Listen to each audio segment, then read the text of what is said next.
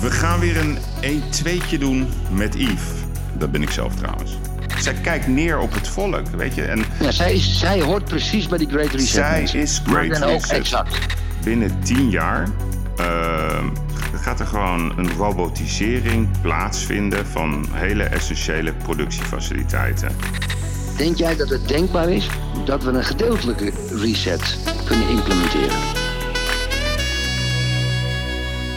Welkom bij deel 2 van de speciale uitzending van de Gigs over de Great Reset. In de vorige aflevering hebben Erik en ik het vooral gehad over de persoon Klaus Schwab, over het World Economic Forum, over Davos. En we gaan vandaag proberen het nog meer te duiden aan de hand van voorbeelden, wat het inhoudt en wat het gaat betekenen. Zonder dat we eigenlijk weten waar de discussie gaat eindigen, gaan we door waar we vorige week zijn gestopt.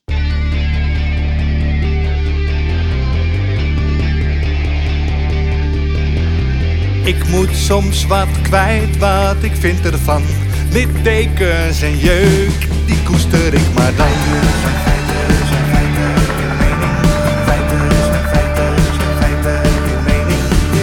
Duidelijk en luid, riemen vast vooruit. Onze mening duidelijk en luid, riemen vast vooruit.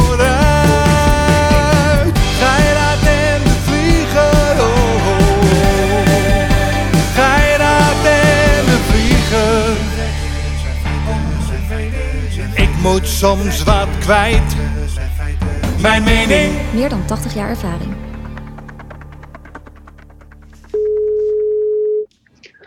Muito boa tarde. Molto bontade. Ja, Yes, Mr. De Vlieger, we are going Yeah. to talk part two about the Great Reset, the very Great Reset under the organization of our friend Klaus Schwab. We have uh, we are wanting to change the world forever in something very sustainable. Yes. So, Erik, ehm, ik, ik, ik ga jou vragen, ik geef je even de microfoon. Kan jij even een, een compacte samenvatting eh, geven van wat wij in deel 1 hebben besproken over dit eh, onderwerp waar heel veel mensen niks van afweten, maar waar ook heel veel mensen wel veel van afweten en waar ook heel veel mensen zich grote zorgen om maken? Ja, kijk, we hebben 40 minuten gesproken. En we hebben ook over de psychologie van de mens gesproken. Er is ongelooflijk veel langsgekomen. We hebben gepraat waar eigenlijk we zijn aangeslagen op het feit dat eh, Mark Rutte het Build Back Better ging noemen opeens. En toen kwam dat in de Kamer, ook via Henk Krol. En dat de meeste politici niet echt wisten waar het om ging. Nee. En Build Back Better is onderdeel van een, een, een, een, een denkwijze van het World Economic Forum. Dat heet The Great Reset. Met, waarbij verschillende facetten ons een andere manier van leven wordt opgedrongen. Omdat anders de aarde vergaat en de, het leven zoals we het nu kennen. En de omgangsvormen die we nu kennen. En de betaalsystemen die we nu kennen. En de moraal en de duurzaamheden die we nu kennen. ehm, ehm, voor altijd veranderd worden. En daar willen ze nu wat aan doen. En Klaus Schwab is daar de voorzitter van. En die heeft samen met Prins Charles eh, dat, dat gedaan. En ze komen met 3000 bedrijven, politici samen in Davos. om de rest van de 8 miljard mensen te vertellen dat ze eh, ons willen gaan redden van de ondergang. Ja. ja, dat heb je goed gezegd. Heel goed. Ja, even uit de losse pols. Nee, maar dat is goed. Dus, nee, maar het is ook goed om het een beetje, eh, ehm, zeg maar, streetwise-achtig te brengen. Maar dat, ik, ik, ben, ik, Ja. ben het, ik ben het eens met deze analyse. Ja, maar Ehm, goed, even, even nog even. Ik heb, moet er nog wat aan toevoegen. De, de reden waarom we dit spreken. Er zijn ongelooflijk veel complottheorieën. En een van de complottheorieën die zegt. En of het nou complottheorie, laat ik, nog, laat ik nog in het midden ook. Is dat corona, COVID. eigenlijk in het leven is geroepen. Om dit soort mensen de ultieme macht te geven. en een soort Ja. van kapitalistisch-communistische deken over ons heen te hangen. Dat zeggen veel mensen. Die voelen dat. Wij voelen, hè, en als ik voor jou mag spreken. dat tot corona kwam en dat mensen zeiden: hey, dit is een window of opportunity om onze macht te vergroten. Ja? En de mensheid te gaan vertellen hoe ze moeten gaan leven. Ja, nou, dat, dat is wel de route waar ik mezelf het meest comfortabel bij voel. En dat is ook, ook de route, ehm, of comfortabel be- bedoel ik dan in mijn gedachtegang, hè, dat ik denk dat het zo is gegaan. Ehm, ik heb in ieder geval geen bewijs ontdekt dat uh, er een chip in ons lichaam wordt gestopt uh, onder aanvoering van, uh, van, van Bill Gates. Um, ik heb ook niet het idee dat COVID bedacht is door een groepje mensen om de hele wereld onder controle te krijgen. En dat, dat, dat voel ik niet. Ik zie ook het bewijs niet. Um, ja, we hebben gezien natuurlijk het bezoek van Marjan Koopmans met, met al die mensen van de WHO. Ja, ja. dan gaan ze daar een beetje rondhangen op de markt en even kijken. En dan is de eindconclusie, de eindconclusie het, het, Chinese virus zou uit Wuhan kunnen komen. Maar het kan ook zo zijn dat het niet zo is. Er is in ieder geval geen bewijs voor. Dus we gaan meer onderzoek doen. Nou, dat is, een, dat is een zin die hadden wij van tevoren al bedacht. Um, dus ik denk wel degelijk dat als je de wereld gewoon analyseert, hè, als we het hebben over gezondheid, dat er in heel veel landen ja, ongelooflijk veel overbevolking is. wij klagen in Nederland dat we het heel druk vinden. Nou, dan zeg ik tegen de luisteraar: joh, ga voor de gein eens een keertje drie weken rondhangen in China, in Shanghai en in Peking en in New Delhi in India in, in, in Istanbul. Uh, je weet niet wat je meemaakt. En dan ben je echt heel blij dat we hier in het mhm. ruime, ruime Nederland wonen en de voorzieningen die we hier hebben. Dus er zijn wel grote... Nog hebben. Nog, ja, ja. nog hebben okay. Nog wel hebben Even, mag je even aanhaken hierop? Een van de onderdelen van de Great Reset. Uh, buiten duurzaamheid, digitalisering van economie, vierde industriële revolutie en stakeholders capitalism is eigenlijk natuurlijk ook een soort geboortebeperking. Ja. Uh, en nu, nu, je het over de drukte van de aarde hebt, wil ik jou de gewetensvraag graag stellen. Ben jij het eens met geboortebeperking? Um, en kan je die discussies nog herinneren die wij over die Chinezen hadden? Zeg, dat je maar twee, je mag maar één kind hebben. Als je een tweede had, uh, had je een probleem. Ja. Wat, wat, wat vind jij daarvan, geboortebeperking? Heeft iemand tegen jou zegt, je mag maar twee kinderen hebben, bijvoorbeeld? Ja, ja nou, ik vind zelf... Um, de, gewoon als je het zo heel, heel hard zegt, hè, ben je voor of tegen geboortebeperking, dat, dat klinkt heel pijnlijk.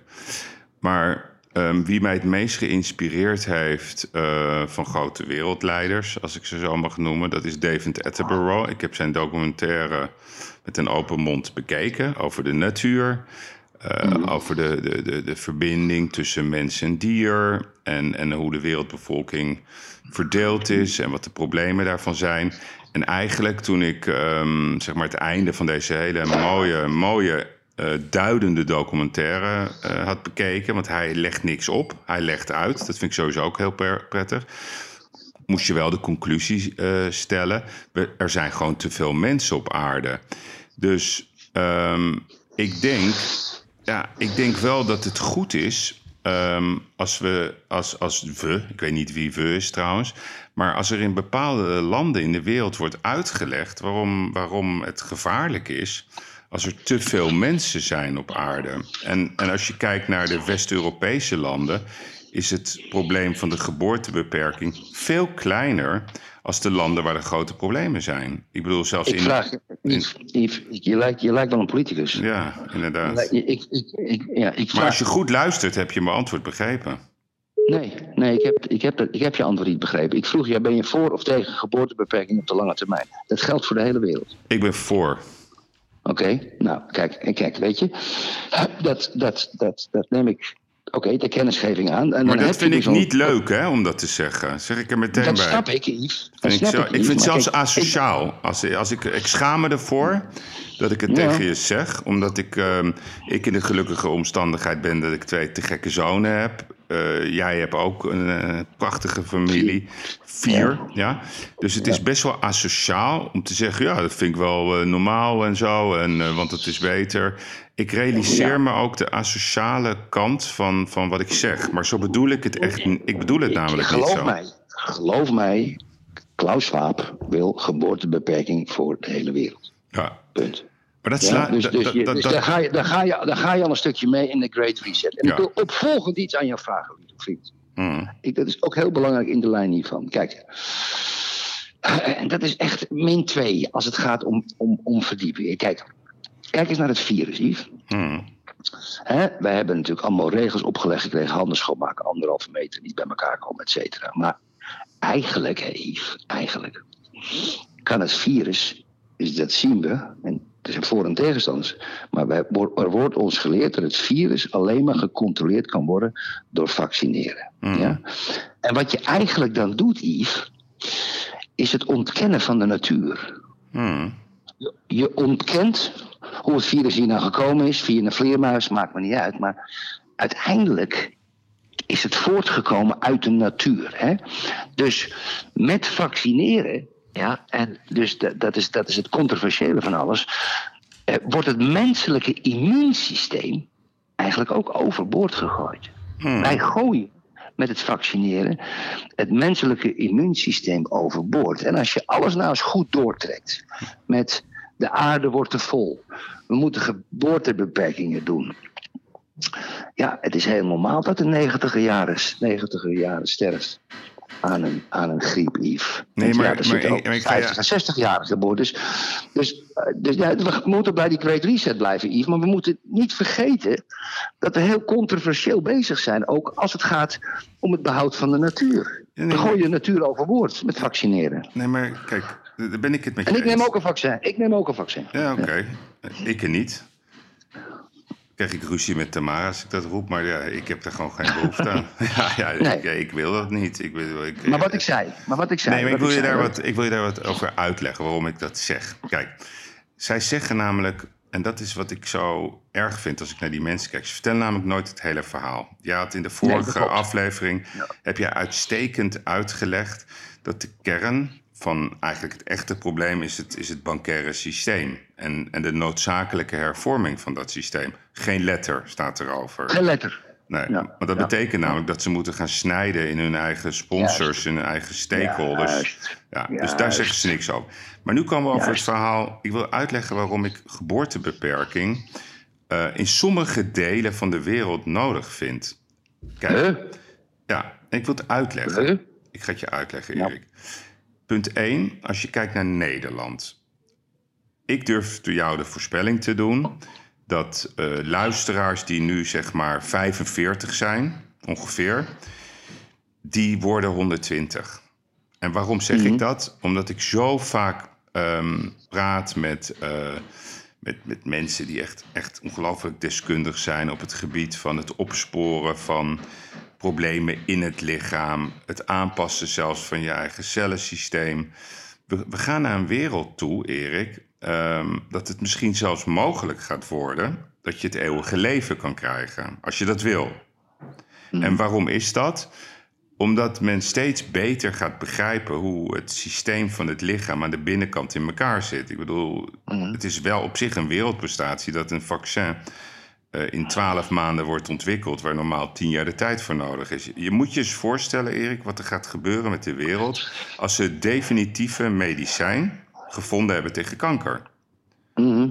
Mhm. Nou, dus het systeem zoals wij het hebben bedacht, met zorg, met de voedselvoorziening, met wonen, dat is niet houdbaar als er steeds meer mensen op de planeet komen. Dus ze kunnen ook zeggen: luister, onze wereld is gewoon niet geoutilleerd om straks zeg maar 12 miljard mensen te huisvesten. Dat vind ik op zich een heel eerlijk standpunt. We moeten dat met elkaar gaan oplossen, dus we moeten gaan kijken per werelddeel hoe we dat zo fantastisch mogelijk gaan doen. En dat is wat ik bedoel. En daarom vind ik de vraag: ben je voor of tegen geboortebeperking? Dat vind ik geen fijne vraag. Maar, maar waar ik wel voor voor ben, is om te kijken hoe we omgaan met de mensen die nu op de planeet woonachtig zijn. En je ziet gewoon, kijk maar gewoon naar de leeftijdsontwikkeling. Ik bedoel, in Rusland, hè, Erik. Ja, daar worden mensen 54, 58. En waarom? Omdat het niet gezond is daar. Ze zuipen zich helemaal de tering. Ze leven niet. Ja, maar bijvoorbeeld de Russen die uit Rusland vertrokken zijn en die in Zwitserland zijn gaan wonen, die worden 10, 15 jaar ouder. Dat is een gok, hè? Dus dat is niet, eh niet feit. Nou ja, dat is een ja, mening. Dat is een ja, mening. Dat we, niet al- dat we niet allemaal zo tweetjes krijgen van... Nee, je, exact. zit er drie, je, zit er drie, je zit er drie maanden naast. Nee, dus, dus, dus we weten dat eh, de mensheid veel, veel ouder gaat worden. Dat is op zich goed nieuws als je van het leven houdt. Een ander punt wat ik vind wat ontzettend belangrijk is, en daar, daar volg ik Harari in. Want dat vind ik namelijk echt een grote visionair. Yuval Harari, die, die een aantal hele mooie boeken heeft gesproken. Dat is die Israëli. En die zegt, binnen tien jaar eh, gaat er gewoon een robotisering plaatsvinden van hele essentiële productiefaciliteiten. Nou, dat is een, aan de ene kant is dat een kans. En aan de andere kant is dat een probleem. Het is een probleem voor mensen die nu in de fabriek staan en daar hun leven uithalen. En het is een kans voor een beter en duurzamer proces. Want ik weet dat er in Taiwan bijvoorbeeld, daar zijn al de meest moderne fabrieken waar gewoon een, een, een tv of hoe je het noemen wil, wordt gemaakt eigenlijk met een druk op de knop. We, Ja. we weten, zeg maar, met dat, met dat hele, eh, ja, hoe heet dat, eh, dat je dingen kan uitprinten. ehm, Ja, ja, maar kijk Yves. en hoe heet dat, Erik, hoe heet dat even, dat, dat In uitprinten? 3D. Ja, in 3D, ja precies. 3D, 3D. Ja. 3D. Nou, dat is kijk, ook van eh, eh, invloed op, op, op het arbeidersproces. Dus, dus Ja, ja maar, ja, maar, ja, maar dan moet je wel de consequentie aanvaarden. De consequentie is, eh, daar, daar komt hij. Dus de- en dit is weer de Great Reset. En het, het, het, het vierde facet van de Great Reset, die zegt dus dat die vierde industriële revolutie komt. De, robot, de totale robotisering. Maar dat houdt dus in dat we geen mensen meer nodig hebben in het productieproces. Nou. En dat houdt in dat het naar een basisinkomen toe moet gaan. Dat zeggen ze, een Nee, dat basisinkomen. zeggen ze. Dat erin houdt, ja? Nee. En, en ik moet eventjes een prachtig verhaal vertellen. Dat moet ik tussendoor vertellen. In 1830, en ik weet dat exact omdat ik daar onvoorstelbaar veel over gelezen heb, omdat het in de lijn ligt van ons familiebedrijf met de naaimachines, was er een man, Bartholomew Timonier. En Bartholomew Timonier, die woonde 30 kilometer onder Lyon. En die had een naaimachine uitgevonden. Hè. Een Amerikaan, een Duitser, maar er was ook een Fransman die een naaimachine uitgevonden. En er was een heel groot naaiatelier waar allemaal mannen en vrouwen werkten, honderden mensen. En die maakten kleding met de hand op tafel, zoals ouderwetse klerenmakers dat deden. En toen kwam Bartholomew Temonier, die had die naaimachine gemaakt. En die ging naar die eigenaar van dat bedrijf toe. En die mensen zagen dat die, dat die, dat die machine het werk kon doen van acht mensen, van acht naaisters.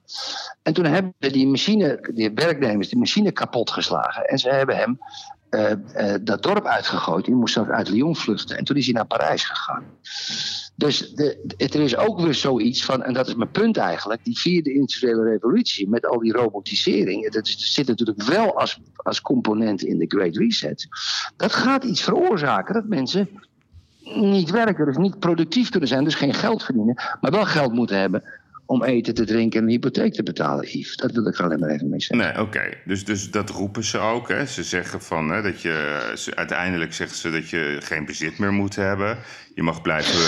Dat, hè, lieve luisteraar. Ja, nee, maar ik, ik moet het toch allemaal even zeggen. Want de luisteraar Ja, die denkt sorry. echt van ja, jullie, jullie zijn niet helemaal goed. Maar wat ze echt letterlijk zeggen. eh, dat je mag geen bezittingen meer hebben. Je mag wel blijven wonen waar je woont. Eh, ze zeggen letterlijk, we zien de wereld als een groot cruiseschip met, met allemaal kamers erin. Dus het aantal landen, eh, elk, elk land is... één. Zit je lekker aan een Marlborootje light, Erik?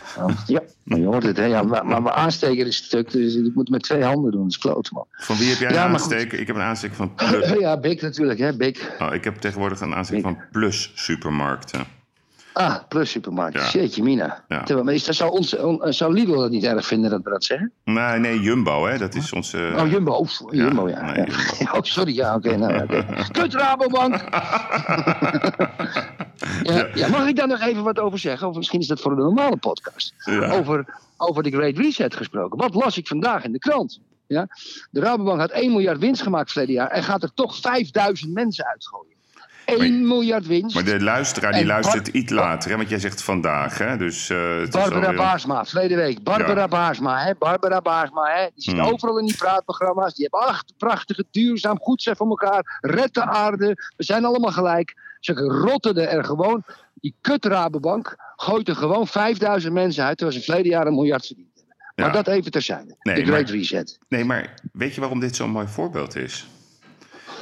Ja, omdat ze hypocriet zijn. De pest dat het alleen maar om poen gaat. Ja, en dit is nou precies de kern van. van, van wie heeft eigenlijk een echt probleem? Dat zijn al die mensen die, die zeg maar, zich druk maken over hun eigen dikke check en hun eigen gecreëerde leven. En dat zijn toch helaas, ja, we gaan geen vrienden worden met de bankiers. En er zijn ook goede. Peter Verhaar, Peter Verhaar, die is altijd heel aardig. En die, die, ja, ik noem hem een keer bij naam, ik gun het hem ook.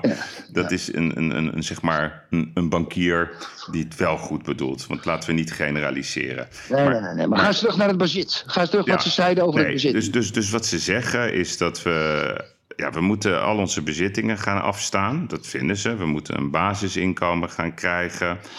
Ehm, we mogen wel blijven eh, wonen in onze huizen. Alleen alle schulden worden weggestreept. Dus, dus iedereen die schulden heeft. Dat klinkt natuurlijk als muziek in de oren bij mensen die denken: Oh, ik heb nog een schuld ergens staan. Oh, dat is heel fijn.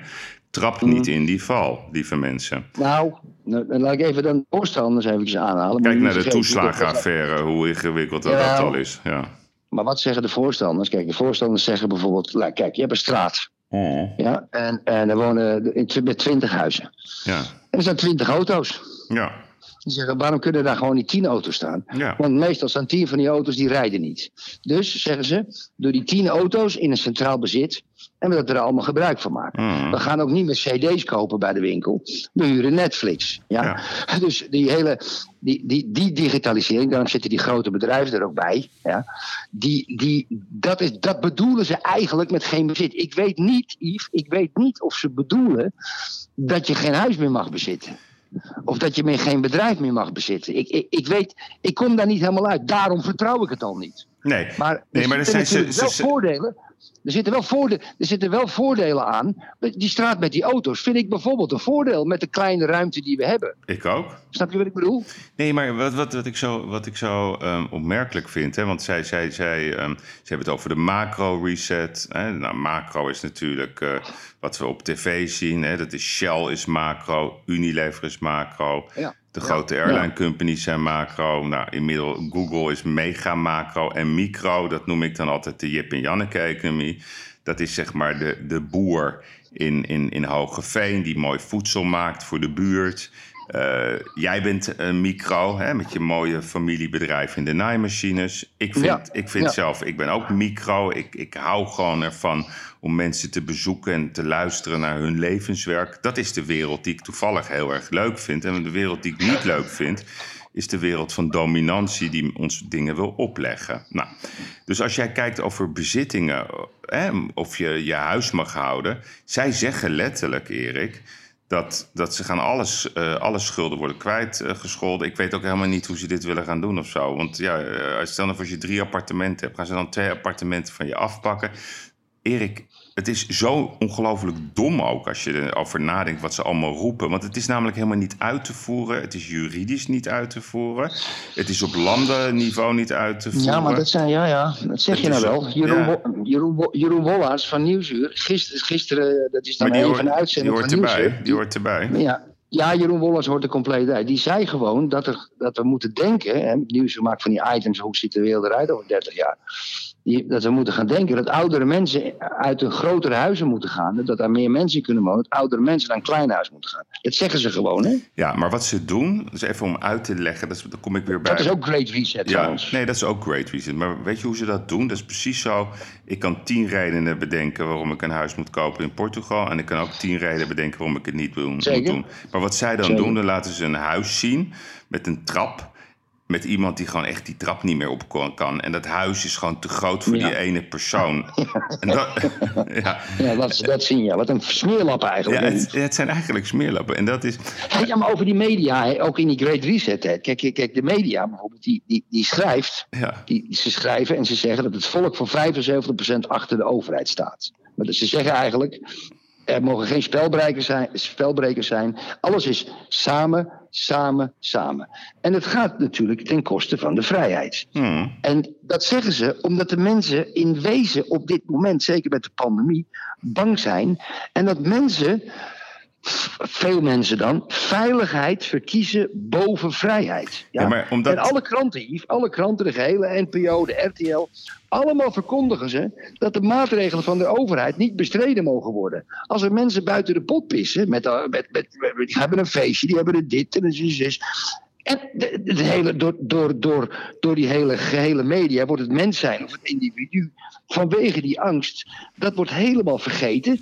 En door die angst van veel mensen doen ze hun lot in handen leggen van een centraal gelegen overheid. En een gevecht, hè, een gevecht op het Museumplein, natuurlijk wel een soortje gek is, maar er is ook geen gevecht meer. Kijk bijvoorbeeld naar de jongeren. Ja? Die jongeren, dat lees ik in de krant, 80% is depressief in plaats Ja. van enige vecht. Nee, maar- als het waar is. nee, maar, Lief, Erik, 80%. Ja, ja nee, dat klopt. Maar het is zo grappig. Jij, jij zegt... Nee, maar Erik, wacht even. Stop, stop, stop. Jij zegt net iets heel grappigs, hè? Over, ja, nee, de 70, 80 procent van de bevolking staat erachter. Maar weet je wat ik dan Ja, zeg? dat lees ik dan. Dat ja, lees ja, ik, hè? ja oké. Maar zelfs jij, met al je ervaring en, en, en, je, en je, je hoge perceptie ook van hoe looplijnen in elkaar zitten, trap je erin. Want, Nee, zeg- ik lees het alleen. Oké, maar wat zeg ik dan? Het is maar aan wie het vraagt. Want, ik ga een voorbeeld geven. Onze grote vriend Kai Gorgels. Hè? Ja. Eh, Super eh, betrokken, Ja. leuke, jonge ondernemer... die gewoon eh, creatief is. die ontzettend veel volgers heeft van mensen die van het leven houden. Dus wat doet Kai? Mhm. Die stelt een vraag aan zijn volgers voor of tegen de avondklok. Nou, dus wij zien in de berichten in de krant eh, dat daar de meerderheid voor van is. Ja, dus eh 80% of zo, die is het ermee eens, zegt men. Maar hij vraagt dat en hij krijgt daar 44.000 reacties op. En nu komt hij. 70%, het zijn overwegend jongere mensen, is tegen de avondklok, Erik. Maar, maar waarom liegen ze dan tegen ons in media? Waarom, ze schrijven het gewoon op. Waarom denk je? Geef maar antwoord, Yves. De vraag stellen ze en beantwoorden natuurlijk. Ja, maar waarom denk je dat ze dat vertellen? En ik wil het echt van jou horen.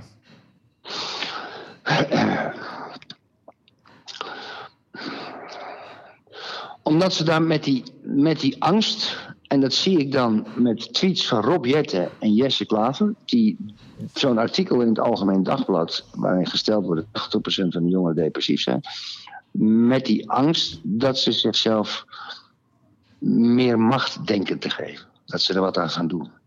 Ja, Omdat ze, eh, eh, ik, ik, ik zie het, ja, ongeveer. Kijk, hoe ik het zie en wat ik zelf ook ervaar als ik, als ik eh, met die mensen praat.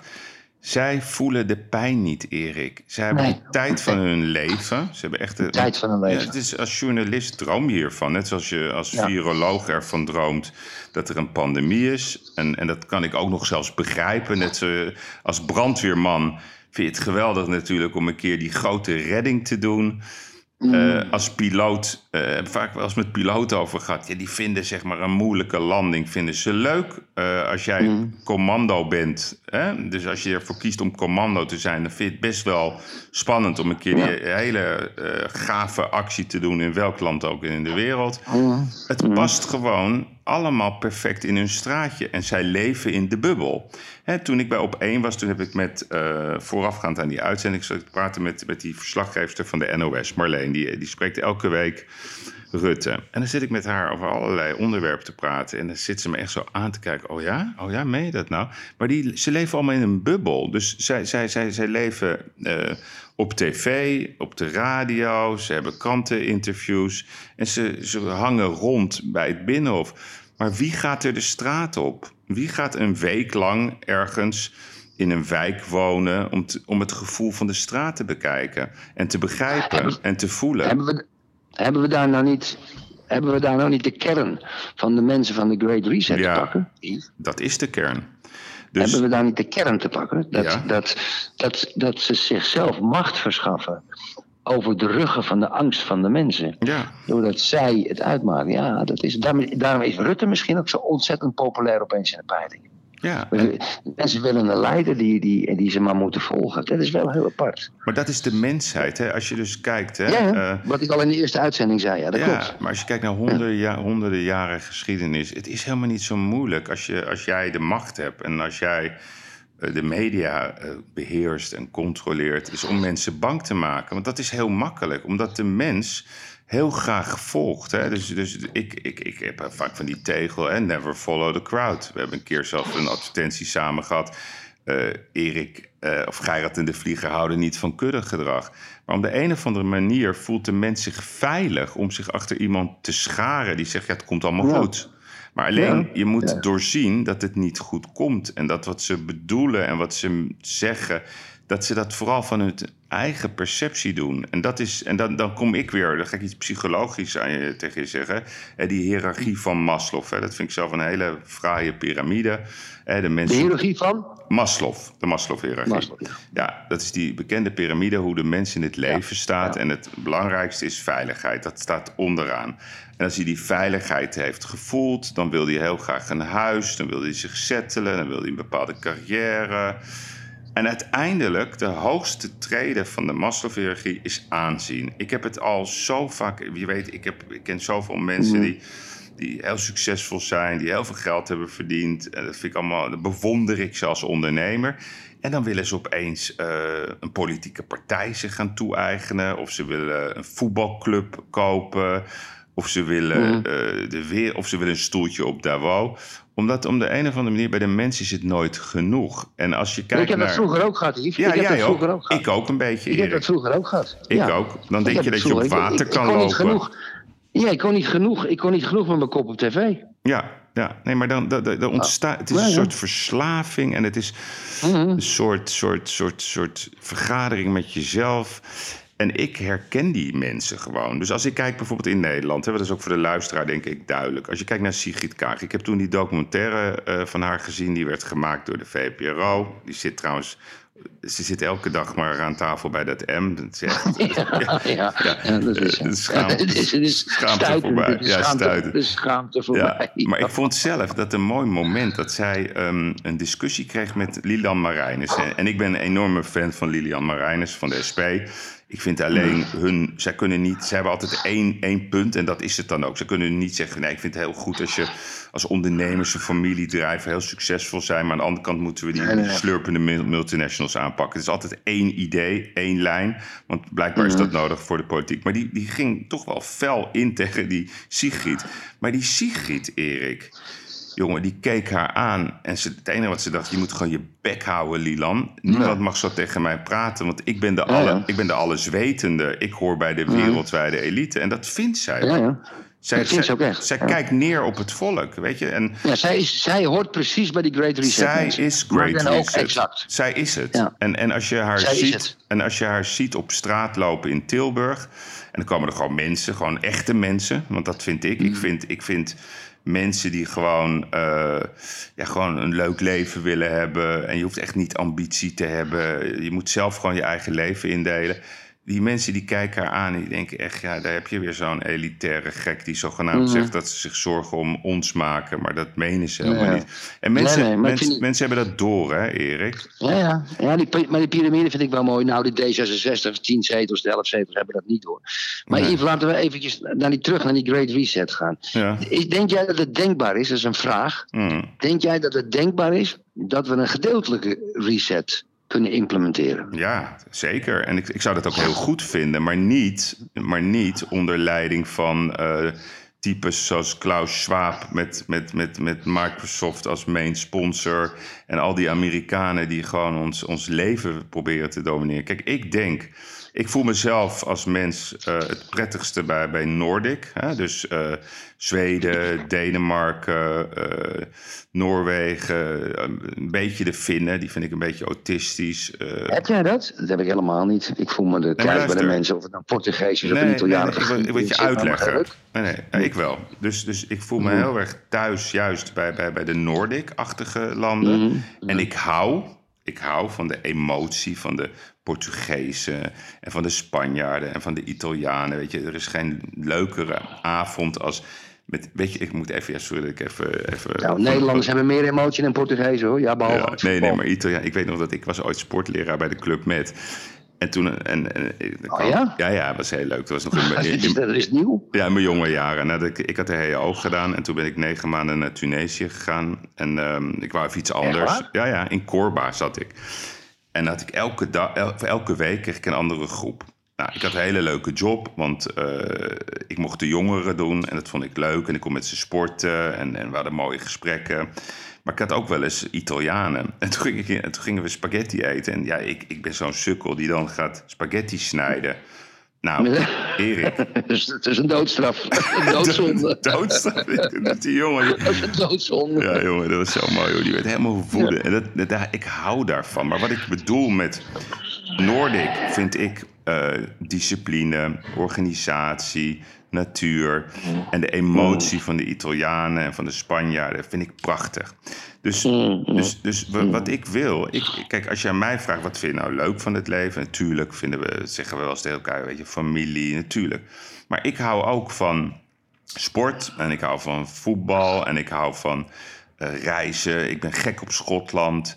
Yo, maar Yves, dat ik vroeg ik niet. Nee, maar wat jij, wat jij aan mij vraagt... Ik vroeg je of een gedeeltelijk, eh, of een gedeeltelijke ja, ja, denkbaar is. Ja, nee, maar dat, kijk, wat er nodig is... en dat, daar moeten ze gewoon eerlijk over zijn... dat met name in Afrika... daar zijn gewoon de grootste problemen. Daar zijn de voorzieningen niet op orde...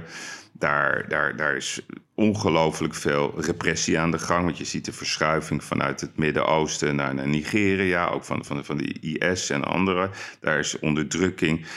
Ja. Begin je nou over religie? Ook, hoort ook bij, bij, mhm. bij Great Reset. Want, want religie is in heel veel gebieden in de wereld is dat dominantie. Je ziet, mhm. je ziet bijvoorbeeld dat een land als China met 1,3 miljard inwoners ja, die domineert de wereld. Het gaat in fases. Die, die zijn degene die, die echt de macht aan het creëren zijn. Maar ik zou niet in China willen wonen met jou, Erik, voor geen miljard. Ik bedoel, nee, maar goed. Ik vind het verschrikkelijk. dus als jij het hebt over een reset, dan zeg ik dat zou heel goed zijn als wij in Europa. Want ja, hoe willen wij uh, als Nederland de hele wereld gaan ver veranderen? Dat kan toch helemaal niet? Nee, maar dat zijn we het eens, Yves. Maar je moet één ding je goed realiseren. Ik heb je ook over die geboortebeperkingen gevraagd. Ik vraag je nu over gedeeltelijke reset. Hmm. Dan moet je bereid zijn.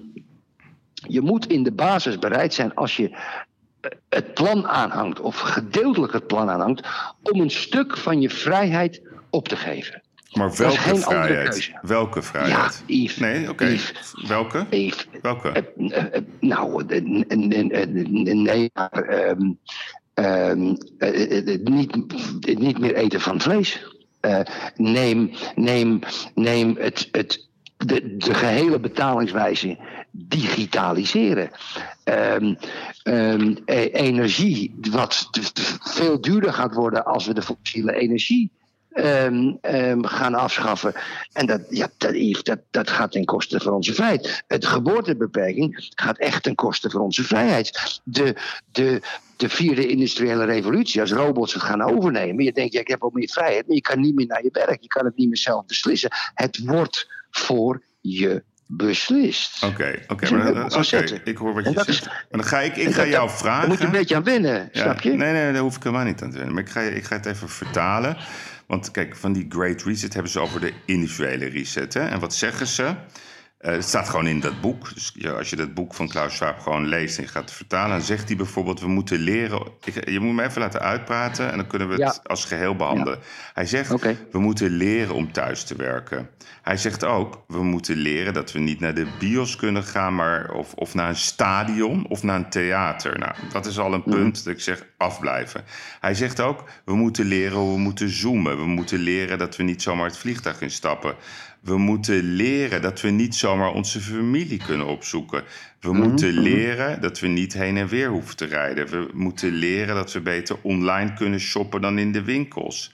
We moeten leren dat we banen kunnen verliezen. En we moeten leren dat we cashflow verliezen. Nou, dus dat is wat hij wat roept, individuele reset. Dan zeg ik, ik vind het prima om minder te reizen. Vind ik prima, vind ik ook heel logisch. Ik heb wel eens een meeting in Londen, denk ik, nou dat kan eigenlijk ook prima via de Zoom. Of uh, een keertje, als, ik moest een keertje naar Amerika, naar Minneapolis. Dat kan je ook gewoon vanuit, of, of ik weet nog een keer naar Brazilië. Eigenlijk is dat onzin. Dus er zijn heus wel goede kanten, maar blijf af van mijn familie dan moet je het niet tegen mij gaan zeggen. Je moet ook niet tegen mij gaan vertellen dat ik mijn cashflow moet gaan verliezen, hoe, hoe klein die ook is, hè? met de grenzen die ik heb aangegeven. En je moet helemaal niet tegen mij zeggen dat ik niet meer naar het theater mag. En je moet ook niet tegen mij mhm. zeggen dat ik niet naar Ajax mag.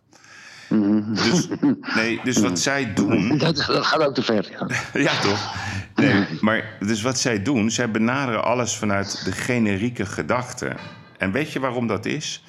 Dat is omdat het allemaal te veel werk is. Dus Dus zij willen macht hebben en, en, dat gaan, en die macht willen ze in principe vertalen in gewoon concrete maatregelen zonder discussie. Omdat, Mhm. we hebben het gezien met de coronamaatregelen. Zijn we het mee? Ben ik, ik ben het met je eens wat je zegt, dat klopt. Ja, want als je kijkt naar die coronamaatregelen, als jij de horeca dichtgooit, dan zegt meteen een dag, nou ja, waarom mogen wij wel open? Hè? De, de boekenindustrie had daar bijvoorbeeld een heel mooi artikel over. Waarom mag je wel eh, chips kopen en waarom mag je wel eh, eh, softdrugs kopen, et cetera, et cetera, en geen boek?